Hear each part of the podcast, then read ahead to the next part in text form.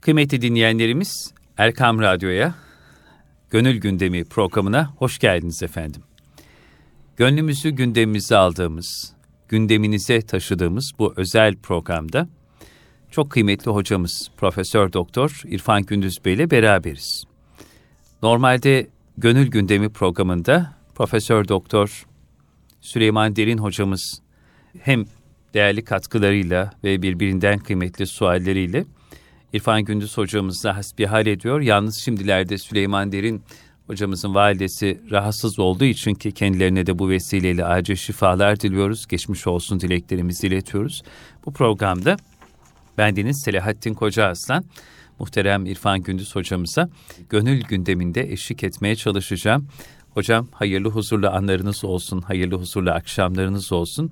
Yine inşallah bugün Mesnevi Şerif'ten Gönüller Sultanı Hazreti Pir Mevlana Celaleddin Rumi Hazretlerinin o muazzam eserinden inşallah gönüllerimize huzur, kalplerimize feyiz ve ruhaniyet verecek olan mısraları, beyitleri paylaşacaksınız ve onları şerh edeceksiniz. Nerede kaldık hocam? 173. beytteyiz evet. Mesnevi'de Hazreti Pir'den esas bir kıssa anlatıyorduk biz. Evet. Ama o kıssadan tabi hisse almak önemli. E, önemli olan. Bu kıssa e, padişahın çok sevdiği bir cariyesi hmm. var. Bu hmm. cariye alıyor fakat cariye hastalanıyor, eriyor, akıyor, zayıflıyor. Ya. Doktor doktor geziyorlar ama bulamıyorlar bir devasını. Nihayet padişah böyle bir iltica esnasında belki uykuyla uyanıklık arasında kendisine bir ses hatiften diyorlar ki bak bir tabibi hazık hmm. hakimi ilahi gelecek diyor. Onu görür görmez sen ona e, hürmet ve tazim gösterirsen ancak bu cariyenin derdini o çözerdi ve sarayın penceresinden sürekli yolu gözlüyor ki böyle bir adam gelir mi ay yüzlü? Etrafını tenvir eden bakışıyla şifa dağıtan birisi adeta bir gönül doktor evet. Böyle bir zat gelince o zatı saraya davet ediyor ona hürmette bulunuyor. Nihayet ona diyor ki böyle bir derdim var bu cariyemin tedaviye ihtiyacı var deyince cariyeyle beni bir baş başa bırak diyor ve cariyeye bazı sorular soruyor. Hı hı. Bu hakim ilahi. Burada e, sorduğu sorulardan esas onu biz Süleyman Bey'le enine boyuna ele aldık. Her insan kendisine sorulan soruya saniyenin yirmide biri bir süre içerisinde cevap verirmiş. Ama eğer söylediğiniz, sorduğunuz sorudan muhatabınızdan saklayacağınız bir şey varsa içinizde bu sefer cevap süresi uzuyor. Uzadığı için anlıyorsunuz ki o soruyla ilgili bu adamın içinde bir problemi var. Onu deşeliyorsunuz ve oradan şuur altını çözüyorsunuz. Aynen bu şey, Şeyh Efendi de ya da Habibi ne diyelim ona biz Hakimi ilahi ya da Hazık ta, bir tabip, gönül tabibi. Ha, gönül tabibi, gönül doktoru. Bu kızın nabzını ele alıyor, tutuyor elini, ona bazı sorular soruyor bazı yer isimleri söylüyor. Nabzı yükseliyorsa eğer sorduğu söylediği yer isimleri karşısında ha yükseldi yerde kızın bir sıkıntısı var. Sonra bazı meslekleri sayıyor. Semerkant deyince hmm. kızın nabzı hmm. yükseliyor, rengi değişiyor. Anlıyor ki problem Semerkant'ta. Peki Semerkant'ın hangi mahallesinde mahalleleri söylüyor.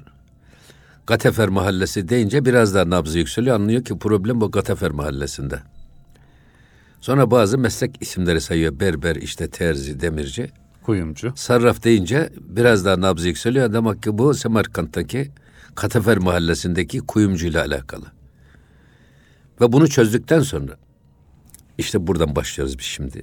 Evet. Ee, padişaha kızın sırrını çözmüş. Bu kızın derdi Semerkant'ın Katefer mahallesindeki kuyumcuyla il olan gönül ilişkisi. Ondan ayrı düştüğü için kız erimiş, akmış. Şimdi bunu geliyor kıza diyor ki ben senin sırrını çözdüm.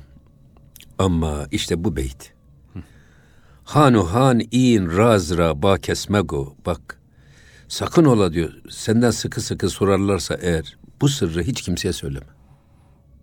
Yani bu senin keşfettiğim sırrını benim gönlüm Semerkant'ın Gatafer mahallesindeki kuyumcuda bunu hiç kimseye söyleme sakın diyor. Gerçi şeh ez tu günet kes cüstüdü. Bak bu padişah da seni çağırır ısrarla. Bu e, sırrı öğrenmeye çalışırsa sakın bunu söyleme. Burada Mevlana'nın özellikle üzerinde durduğu Bak sır meselesi önemli bir şeydir.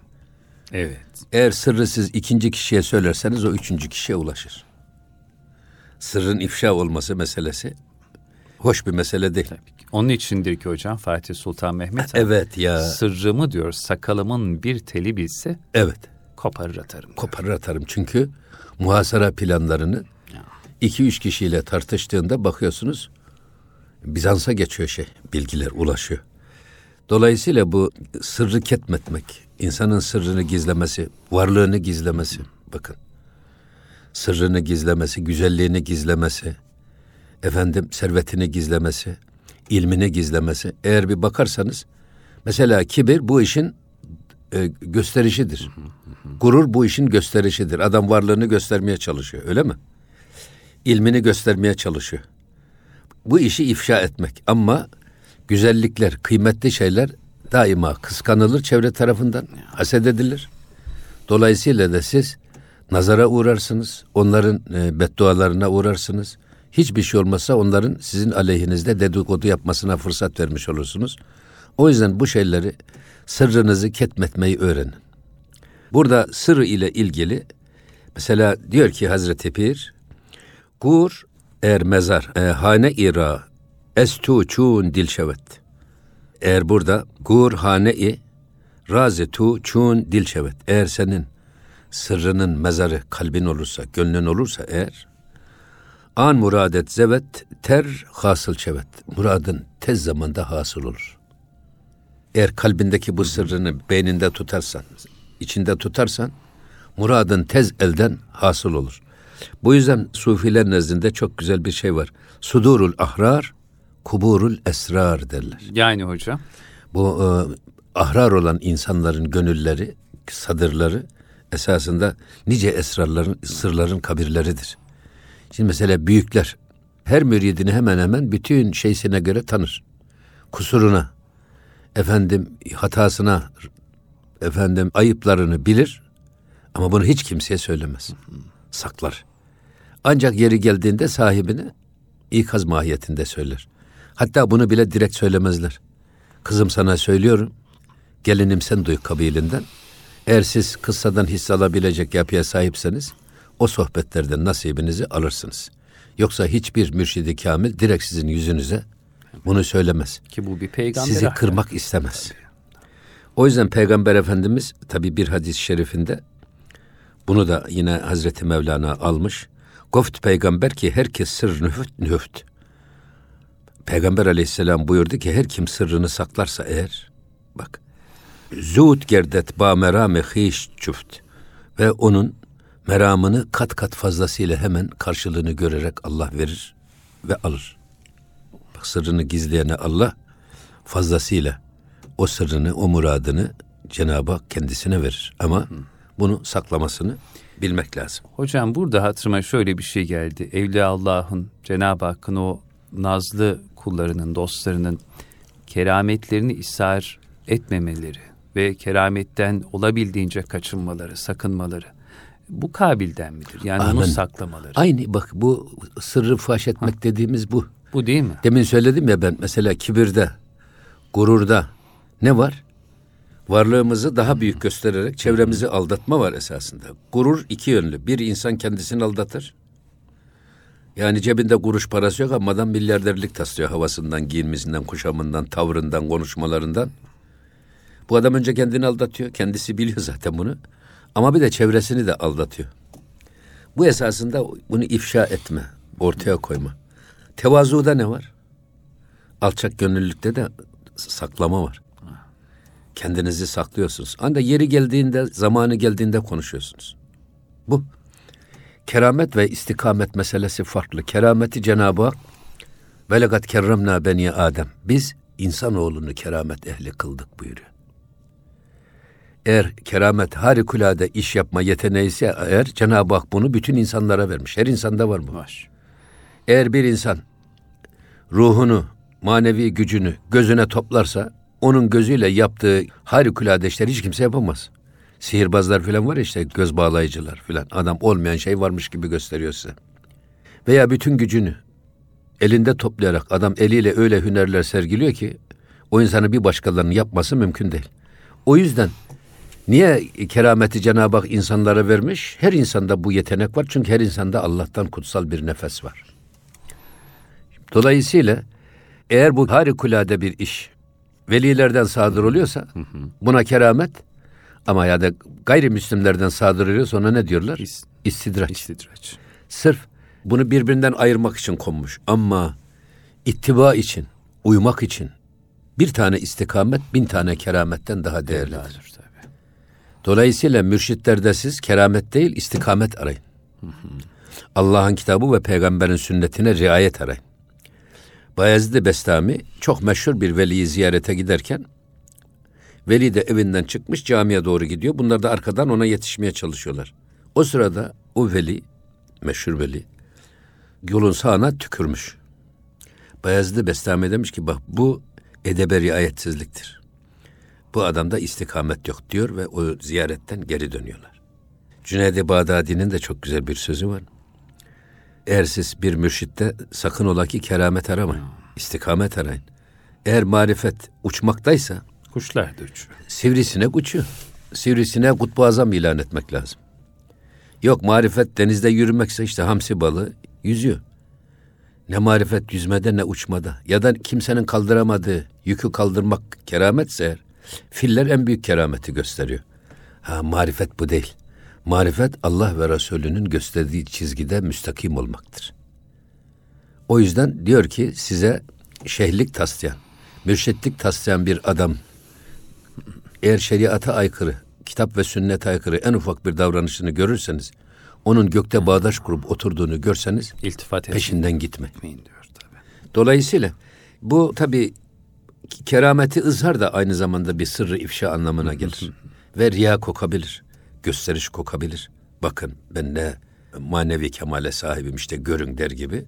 Bu da Allah'ın gayur ismine dokunur. Evet hocam. Şimdi burada mesela yine Mesnevi'nin bir başka beytinde diyor ki gidişin, altının ve mezhebin hakkında hiç dudağını kımıldatma.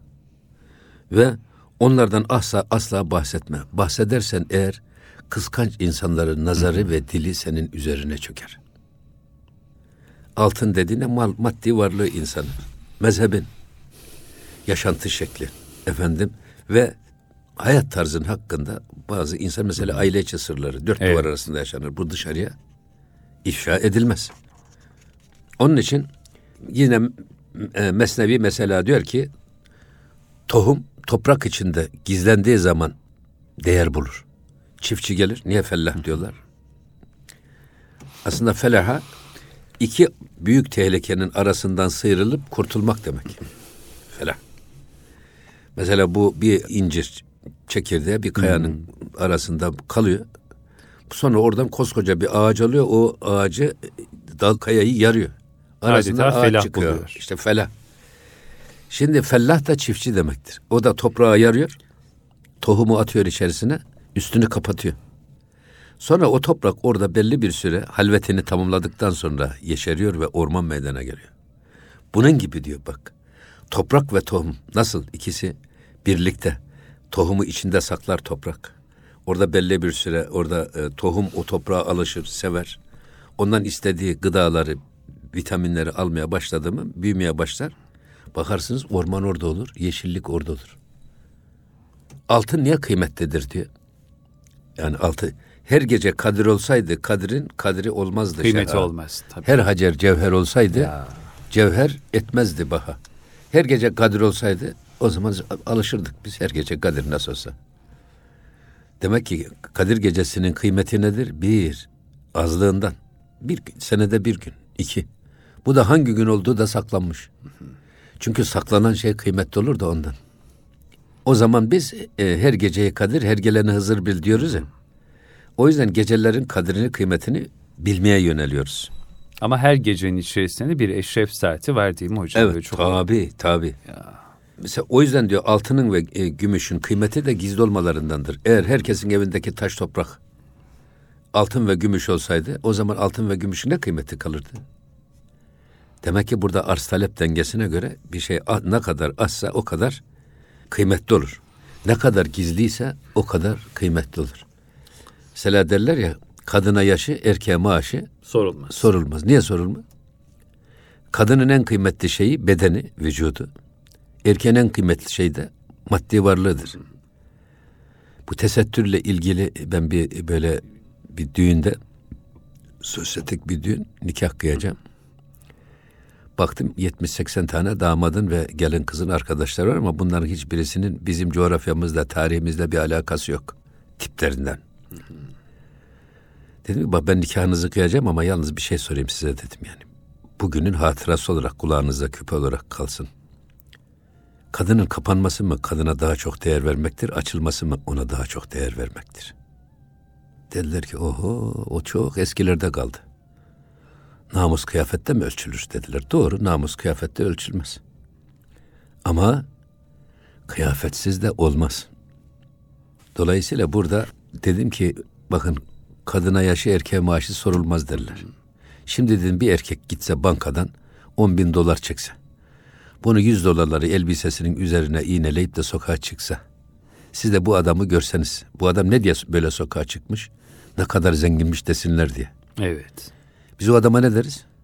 Deli deriz. Görmemiş dersin. Deli tabii. En nazik tabiri o. Evet. Aynı şekilde bak ne kadar güzelmiş desinler diye vücudunu teşhir eden bir kadınla, kendi en kıymetli varlığını teşhir eden bir kadınla, parasını teşhir eden bir adam arasında ne fark var? Sordum. Cevap vermediler. Sonra dedim ki bak hepinizin altını, bronşu, bilmem bir sürü mücevheri elması var. Bunları nerede saklıyorsunuz? Kasada saklıyorsunuz. Kıymet verdiğiniz şeyi saklıyorsunuz. Şimdi piyasada kadın hırsızı, namus hırsızı esasında para hırsızından, altın mücevher hırsızından daha çok. Siz bu namus ve ırz hırsızlarının önüne kendi bedeninizi koyuyorsunuz. Fakat bunun yanında altınınızı, mücevherinizi, broşunuzu da aman ha hırsızlar çalmasın diye de tutup kasada saklıyorsunuz. Hangisi daha çok kasada saklanmaya layık? Bu bir kıymet verme ölçüsü. Şimdi evet namus kıyafetten ölçülmez. Ama bizim dinimiz velev ki iffetinde eksiklik olan kadınları bile iffetli kadınlar gibi giydiriyor sokağa öyle salıyor ki hiç kimse tanımasın. Herkes bütün sokağa çıkan kadınları namuslu bilsin diyerek onları da o kisvede dışarıya çıkarttırıyor.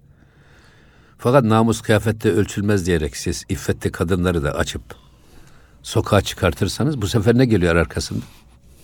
Bu sefer ya Allah Allah bu kadınlarda da böyle bir herhalde hafiflik var, hafif meşreplik var diyerek onun rahatsız edilmesine zemin hazırlıyorsunuz. Biz bunun misallerini her gün televizyonlarda, Görüyoruz. çarşıda, sokakta görüyoruz.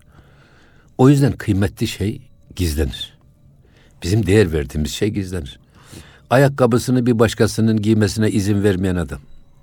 Kendisine gelen mektubu bir başkasının okumasına asla izin vermeyen bir insan. Şimdi böyle kendi bedeninin güzelliğini nasıl böyle ortaya teşhir eder? Buna dikkat etmek lazım. Ya da yakın Sonra- değil mi? Sonra açılan her şey esasında açıkta olan her şey de kıymetini kaybediyor. Mesela eğer kapalı olsa insan merak eder değil mi? Tecessüs. O bir kıymet kazandırır. Eskiden şiir yazarlarmış. Bir kadının saçının tek teline şiir yazarlarmış. Çok kıymetli olduğu için. Şimdi saçlar filan kıymetini kaybetti. Cazibesini yitirdi. Modacılar da bunu bildiği için bir bakıyorsunuz bir dönem mineteye modalaştırıyorlar. Millet üç ay içinde min- mineteye alışıyor. Bu sefer maksi yapıyorlar, yırtmaç yapıyorlar. O da üç ay gidiyor. Milletin Evet. gözü doyuyor. Arkasından bakıyorsunuz sırt dekoltesi. Yok efendim koltuk de- dekoltesi filan ama Hepsi tüketiliyor. açılan her organda esasında Cenab-ı Hak kadını erkeğe, erkeğe kadına cazibe unsuru olarak yaratmış. Bu karşı cins cazibesini yitiriyor. Değerini kaybediyor esasında. Dolayısıyla burada da aynı gene sırrı, varlığı, güzelliği gizlemek çok önemli şey. Daha sonra bu gönül doktoru cariyeye böyle sıkı sıkı tembihliyor. Bak bu sırrını sakın ola kimseye söyleme ha. Padişah da ısrarla senden sorsa bu sırrını kimseye söyleme. Sonra padişaha gidiyor. Padişaha gidiyor. Padişaha gitmeden önce bak bir şey daha söylemiş şey burada. Buyurun hocam. Esas bu gönül doktoru cariyenin güvenini kazanıyor. Bir, o yüzden sırrını söylüyor bu gönül doktoruna. Ve gönül doktoru da esas o cariyenin güvenini kazanmak için ona pek çok vaat ve lütuflarda bulunuyor. Senin bu derdini ben çözeceğim. Seni bu dertten kurtaracağım. Bu vaatlerle o cariyede emin oluyor ve içini döküyor. Ama burada şey söylüyor. Mevlana 179. beyt. Vadeha başet hakiki dilpezir. Vadeha başet mecazi tasegir. Bak eğer bu verilen vaatler içi dolu olursa, som olursa, kamil insanların vaatleri olursa bu insanın gönlünü besler. Ümidini artırır.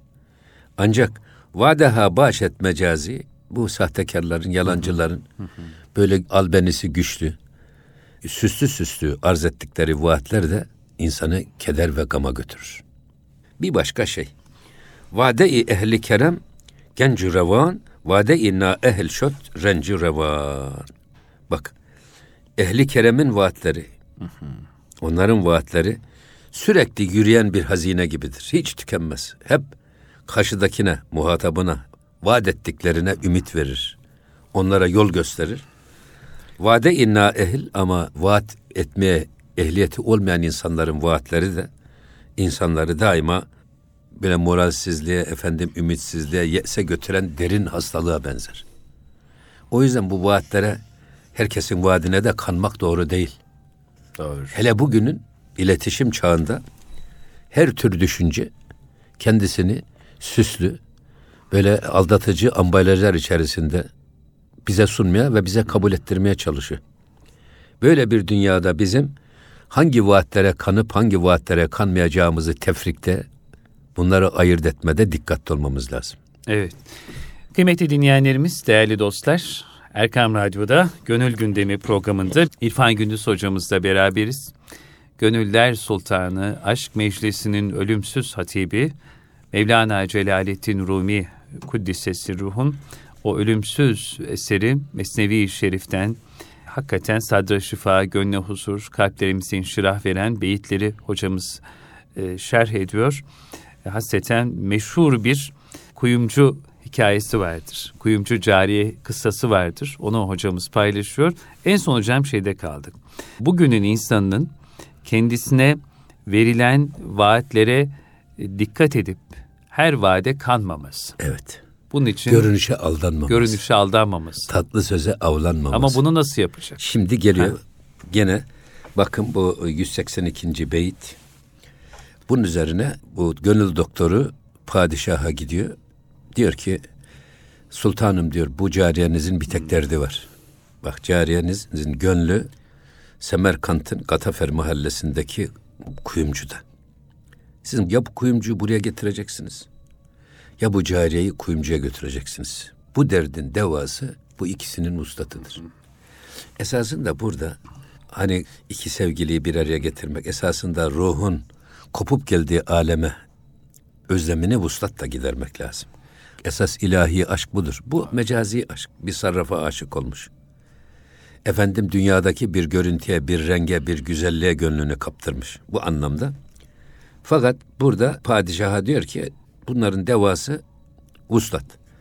Ne yapalım biz? Sultanım diyor oraya böyle iki tane çok iyi bir elçi gönderin. Kılavuz gönderin. Ve bu kılavuza neyi nasıl yapacaklarını siz tarif etmeyin. Orada neyi nasıl yapacaklarını kendiliklerinden bilen ve çözen işin ehli iki tane elçi gönderin. Burada yani berfürüstat an taraf yekdu resul hazikanu kafiyanu besadul. Bak hazık yeterli ve adil. İki tane elçi oraya göndermeniz. Hazreti Pir burada diyor ki esas herhangi bir yere bir iş için bir adam gönderecekseniz akıllı adamı yollayın ve ona tavsiyede bulunmayın. O diyor orada kendisi problemini karşılaştığı duruma göre çözer. Durumdan vazife çıkararak o anki konumu neyi gerektiriyorsa nasıl problem çözülecekse öyle çözer. Burada istihdamı anlatıyor Hazreti Mevlana. İstihdam nedir? Evet. İnsanları kabiliyetine, yeteneğine ve dolduracağı boşluğa göre istihdam etmek. Şimdi öyle insan var ki bir gemi gibidir. Siz bu gemiyle diyelim ki Üsküdar'dan Beşiktaş'a yolcu taşıyacaksınız. Ya orada gemi kullanmak abes. Orada motor kullanılıyor işte. Öyle mi? Dolayısıyla istihdam dediğimiz zaman her insanın Cenab-ı Hak hiçbir insanı başıboş yaratmamış. Amin. Her insanın bir yeteneği var. Dolduracağı bir boşluk var. O yüzden o insanları kendi yaratılışı istikametinde, yeteneği istikametinde bu toplumda dolduracağı boşluğu bilerek, bularak orada istihdam etmek. Bu bugün iktisat ilminde çok önemli teorilerden bir tanesidir. İstihdam teorisi. İstihdam teorisi. O yüzden burada iki tane hazik, kafi ve akıllı elçi gönder. O elçiler gitsinler Semerkant'taki Gatafer mahallesindeki kuyumcuyu buraya getirsinler. Hazreti Davud aleyhisselam kıssasında hepimizin yine ibret alacağı önemli şeyler var. E, Yahudiler isyan ediyorlar. Calut komutasında Calut isyan ediyor. Bunun üzerine Hazreti Davud Aleyhisselam diyor ki Yahudilere gelin diyor şu Calut'a karşı savaşalım. Bunun üzerine o da Talut'u komutan tayin ediyor. Ama Yahudilerin cihatta gönlü olmadığı için ve cephede yürekleri olmadığı için diyorlar ki Talut içimizden sıradan bir adam. Biz onun emir ve komutasında çarpışmaz. Ya daha asaletli, efendim daha zengin, bizim kabullenebileceğimiz birisini komutan tayin etseydin. Esasında bu behane. Savaşa gitme niyetleri yok. Namazda gönül olmayanın ezanda kulağı mı olur? Bunun üzerine Cenab-ı Hak Hazreti Davud Aleyhisselam'a diyor ki vezidnahu bastaten fil ilmi vel cisim. Biz Talut'a ilim ve cisim verdik. Bu ayet-i kerimeden dolayı İslam medeniyeti tarihinde herhangi bir koltuğa bir adam aranıyorsa bunun için iki tane temel şart aranır. Bir tanesi ilim, o koltuğun gerektirdiği bilgi birikimi, formasyon, onu bilecek. İkincisi de cisim. Talut'a biz ilim verdik, yetmedi bir de cisim verdik. Cisim ne peki? Cisim de boyu, posu, endamı. Dolayısıyla ben eskiden pek cisime e, ya bu cisme bu kadar fazla önem vermemek lazım filan ne derdim. Şimdi bunun adı karizma oldu. Bunun adı vizyon oldu. Öyle değil mi? Demek ki liderlerin, yöneticilerin aynı zamanda fiziği de çok önemli, cismi. Hatta ben diyorum ki fizik yetmez. Müziği de önemli, ses tonu da önemli. Tabii, tabii. Konuşma sesi. Daha kimyası da önemli, karakteri, efendim yaşantısı. Ama birincisinin bir defa ilim, ehliyet ve liyakat. O yüzden Cenab-ı Hak eddül emanati ila ehliha buyuruyor. Emanetleri ehline veriniz. Farz. Emir bu. Bir kişiyi istihdam edecekseniz ya da bir yere bir eleman tayininde bulunacaksanız size düşen görev o makamın, o koltuğun gereklerini yapabilecek liyakatte, emniyette, ehliyette bir adamı oraya tayin edin. Peygamber Efendimiz ne buyuruyor? Emanet ehline verilmediği zaman kıyameti bekleyiniz. bekleyiniz. Şimdi biz kıyameti dünyanın yıkılması sonu diye algılıyoruz. Yok öyle bir şey. Var kıyamet tabii yanlış anlaşılmasın. Ama esas kıyamet nedir burada? Efendimizin ifade ettiği kıyamet. Bir hastaneye yanlış bir adamı başhekim tayin ediyorsunuz. O hastane çöküyor. İşte hastanenin hastane kıyameti kıyamet. bu. Bir okula yanlış bir adamı müdür koyuyorsunuz. O okuldaki eğitim ve öğretim çöküyor. Yanlış bir adamı belediye başkanı yapıyorsunuz. O ilçe il çöküyor. Esas bu kıyamet. Hani Nasrettin Hoca'ya sormuşlar kıyamet ne zaman kopacak diye de hanım ölürse küçük kıyamet ben ölürsem büyük kıyamet demiş. Esas bu çok önemli evet. bir şey. Burada da Hazreti Pir buna işaret ediyor. Oraya göndereceğiniz hazik bak yetkili o daveti bilen. Hı hı. Şimdi oradaki e, adam memleketinden koparıp getireceksiniz oradaki Gatafer mahallesindeki kuyumcuyu. Bunu getirebilecek dili güzel, sözü güzel, efendim usulü bilen, davet usulünü bilen iki tane hazık elçi yollayın. Ve elçiler gidiyorlar. Bu iki elçi gidiyor kuyumcunun huzuruna varıyorlar. Şimdi kuyumcu nasıl getireceksiniz? Diyor ki Nek fulan şeh ezberayı zergeri ihtiyaret gerdi zira mihteri. Burada diyor işte filan padişah sizi kuyumcu başılığına seçti sarayında. Sizi oraya davet ediyor. Sonra bunlar böyle göz alıcı altınlar, gümüşler, elmaslar, atlas kumaşlar filan da götürüyorlar şeye kuyumcuya. Diyorlar ki bunu da size hediye olarak gönderdi. Sizi sarayına davet ediyor. Burada esasında kuyumcu biz de nefsimizi temsil ediyor. Bak hep kamil insanların vaatleri nasıl olur? Aldatıcı, göz boyacı insanların vaatleri nasıl olur? Burada işte bu iki elçi geliyorlar. Bu kuyumcunun gözünü boyamaya çalışıyorlar. Gönlünü çelmeye çalışıyorlar. Neyle? Onun en zayıf noktaları neyse, zaafları neyse oradan onu vurmaya çalışıyorlar. Onu can damarından Zaten kendisi kuyumcu. Biraz ona övüyorlar işte sen çok kaliteli bir kuyumcusun, iyi bir sanatkarsın, işini çok e, incelikle yapıyorsun. Bu yüzden seni padişah sarayına kuyumcu başı yaptı. Bu yüzden de size şimdi şu altınları, şu gümüşleri, bu atlas kumaşları, şu mücevherleri size de önceden hediye olarak gö- gönderdi sanki mihri muaccel gibi. Bunun üzerine adam bakıyor gözleri kamaşı. Hem de diyor siz gideceksiniz sarayda kuyumcu baş, başı olacaksınız ve oradaki sarayın bütün altını, elması, gümüşü hepsi sizin elinizin altında olacak. Ve adam geliyor. Kuyumcu.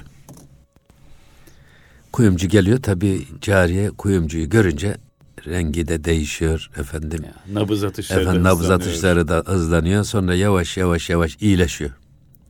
Ve altı ay sürüyor bu. Altı ay sonra cariyenin hiçbir derdi kalmıyor. Bunları birleştiriyorlar. Fakat altı ay sonra bu padişah tutuyor ona e, zehirli bir şurup içiriyor. Kuyumcu başına. Bu sefer kuyumcu başı yavaş yavaş yavaş erimeye Erimeye akmaya başlıyor. başlıyor. Hastalanıyor. Cariye de bunu görünce gözünün önünde eriyip gidiyor o gözünün gördüğü, gönül verdiği maşuku. Kuyumcu eriyip akıp gidiyor. Sonra bakıyor ki ondaki güzellik kayboluyor. Ondaki efendim böyle kelle kemik kalıyor, zayıflıyor, eriyor, rengi gidiyor filan. Hiçbir cazibesi Bundan yok. sonra cariye de soğuyor ondan. Sonra da kuyumcu ölüyor. Tabi burada esas padişahın şeysi şu. Gelsin işte bu kendi aşık olduğu kuyumcuyla belli bir süre bir arada kalsınlar. Şimdi aşk zifaftan öncedir diye bir Arap atasözü var. Evet. Uzakta oldu muydu aşk daha güzel. Kıymetli. Evet ve onun ızdırabı insana daha ayrı bir tat veriyor. Onun çilesi ayrı bir güzellik veriyor. Başka da hiçbir şey düşünmüyor. Ama bir araya geldikten sonra artık şey kayboluyor, aşk kayboluyor. Ondan sonra nefs başkalarını istemeye başlıyor. Nasıl olsa bu elinin altında ya. Bize başka hedefler koyuyor. Sırf zaaflarımızı istikametinde bizi peşinden koşturup Allah'a döndürmemek için. Yalancı tuzaklar, sahte tuzaklar. Yalancı güzellikler, sahte güzellikler. Burada onu anlatmaya çalışıyor. Buradaki e, kuyumcunun altına düşkünlüğü, gümüşe düşkünlüğü, efendim zenginliğe düşkünlüğü, servete düşkünlüğü. Bak bunu o şekilde tuzağa düşürüyorlar. Mesela tavus kuşu hep şeylerine bakarmış, kanatlarına. Kanatlarına. Halbuki ayağına baksa mütevazi olur. Kanatlarına baktığı için de gurur, kibiri hep arttığı için kafası yukarıda gezer. O yüzden hep tuzaklara düşer ve çabuk avlanır. Neden? Gurur ve kibiri yüzünden. O yüzden bu gösterişe, alayişe, aldatıcı güzelliklere, fani lezzetlere gönül bağlamamak, şeytanın bize yaptığı en büyük oyun budur. Hani derler ya, şeytan insanı bir şehvet, bir şöhret, bir de servet. tuzağından avlayarak bizi istikametten, Allah yolundan ayırmaya çalışır. Bunlar insanların en büyük zaafı. Biz bu zaaflara kurban gitmememiz lazım. Bu zaaflara düşmememiz lazım. Hatta Cenab-ı Hak e, bu zaafları dile getirmek üzere efera eyte men ittehaze ilahehu heva. Heva ve hevesini ilah edineni görmedin mi sen hiç? Nedir heva ve heves? Bir tarafta Allah'ın emri var.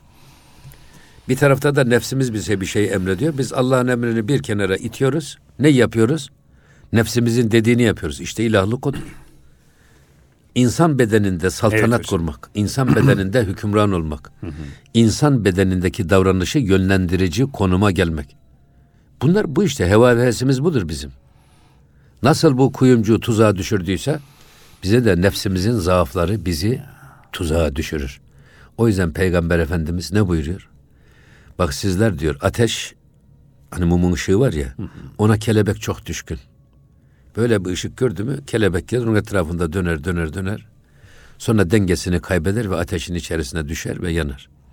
Sizde diyor bak nefsinizin ve şeytanın önünüze kurduğu bu zaaflarınıza o kadar düşkünsünüz ki ateşin etrafında dönen kelebekler gibi bu tehlike çemberinin etrafında döner döner döner sonra dengenizi kaybeder ve o çukurun içerisine düşer ve mahvolursunuz.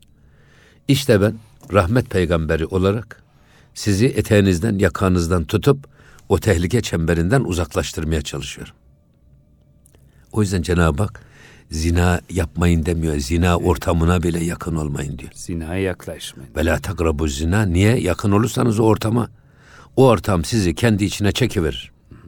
Hocam peki bugün bu tehlike çemberinden insanlarımız, bizler kendimizi nasıl muhafaza edeceğiz? İşte ha, Mesele o. işte zaten burada mana ehliyle beraber ol.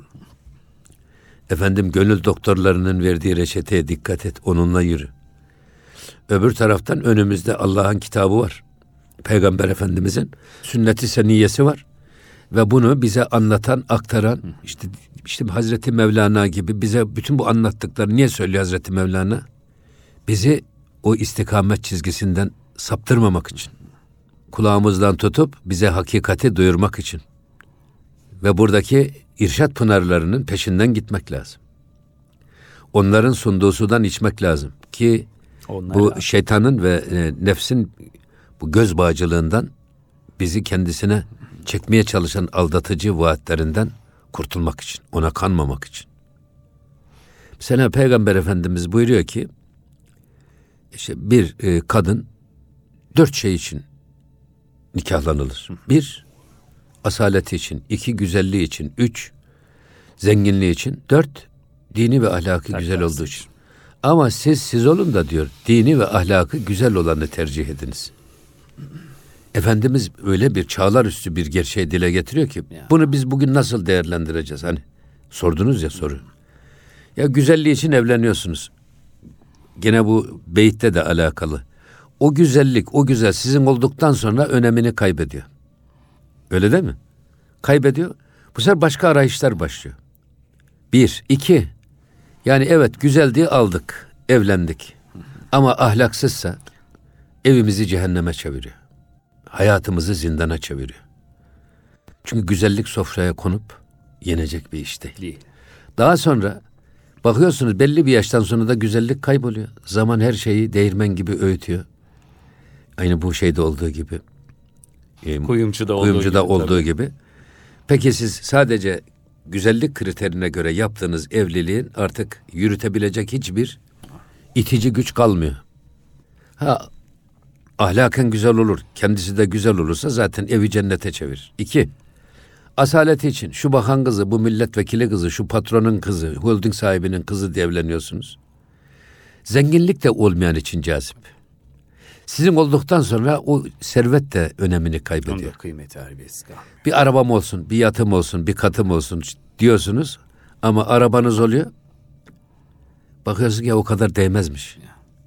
Yani o kadar yani insanın hayatını bir tek arabaya ya da efendim işte yata, kata odaklanması diğer bir şey değilmiş. Onu anlıyorsunuz neden?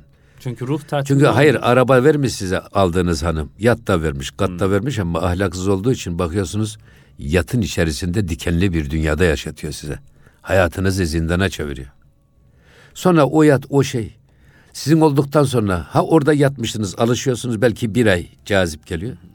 Ondan sonra Sultanahmet'teki bankta yatanla o yatta yaşamak arasında fazla bir fark kalmıyor. kalmıyor. Demek ki zenginlik için de evlilik olmaz. Peki ne kaldı geriye? Asalet için söyledik, güzellik için söyledik, zenginlik için. Ha, siz siz olun, ahlakı ve dini, imanı güçlü olanı tercih edin. Ahlaken mazbut oldu mu, mükemmel oldu mu, o her şartta size huzur ve güven verir. İşte burada bütün Hazreti Pir'in bize anlatmak istediği şey, aldatıcı cazibelere kanmayın. Aldatıcı vaatlere inanmayın. Tatlı dile de kanmayın. Bak bütün bunların hepsini eğer ölçmek istiyorsanız miyar belli. Allah'ın kitabı ve peygamberin sünnetine göre biz iyiyi ve kötüyü tefrik edeceğiz. Kendi canımızın istediğine göre değil, kendi çıkarımıza, kendi menfaatimize göre değil. Sadece Allah ve Resulünün gösterdiği çizgiye göre, o çerçevede doğrumuzu ve yanlışımızı tespit edip ona göre doğrulardan yana tavır almış olacağız. İnşallah hocam aslında sözümüzü nihayetlendirirken Yunus Emre'nin şu yalan dünya ilahisi tüm bu anlattıklarınızı öyle mütemmin bir cüz olsun. Çok güzel özetler. Evet. Ee, onunla da son noktaya koyalım ama e, eklemek istediğiniz son bir husus varsa onu da alalım. Süremizin sonuna yani geldik. Söylediğimiz şey bu. Yani buradaki aynen kuyumcunun düştüğü tuzağa bizim düşmememiz lazım. Şeytanın ve nefsin önümüze koyduğu, bizi zaaflarımızla imtihan eden ve bizi Allah yolundan ayırmaya çalışan, Allah'a isyan eden o karelerden kurtulmamız lazım. Biz burada alınacak ders bu. O yüzden Rabbim önce nefsimize sonra da tüm dinleyicilerimize bu kıssadan hisse nasip etsin. Amin, amin. Çok çok teşekkür ederiz hocam. Allah razı ben olsun. teşekkür ederim. Evet değerli dinleyenlerimiz Profesör Doktor İrfan Gündüz hocamızla Gönül Gündemi programında hakikaten gönlümüzün, ruhumuzun ihtiyacı olan bir kıssayı hocamızın o latif anlatımıyla günümüze taşıyan o tatlı sohbetiyle dinlemiş olduk. Cenab-ı Hak ders alabilmeyi, ibret alabilmeyi, hisseler çıkartabilmeyi nasip etsin. Yunus Emre de öyle diyor. Bilirim seni yalan dünyasın. Evliyaları alan dünyasın. Kaçan kurtulmaz senin elinden, Şahin kanadın kıran dünyasın. Sevdiğim aldın, beni aldattın. Dönüp yüzüme gülen dünyasın. Süleyman tahtın, sen viran kıldın. Masumlar boynun, vuran dünyasın. Aşık Yunus, semala çarh vurur. Bu çarhımızı bozan dünyasın. Allah'a emanet olun efendim.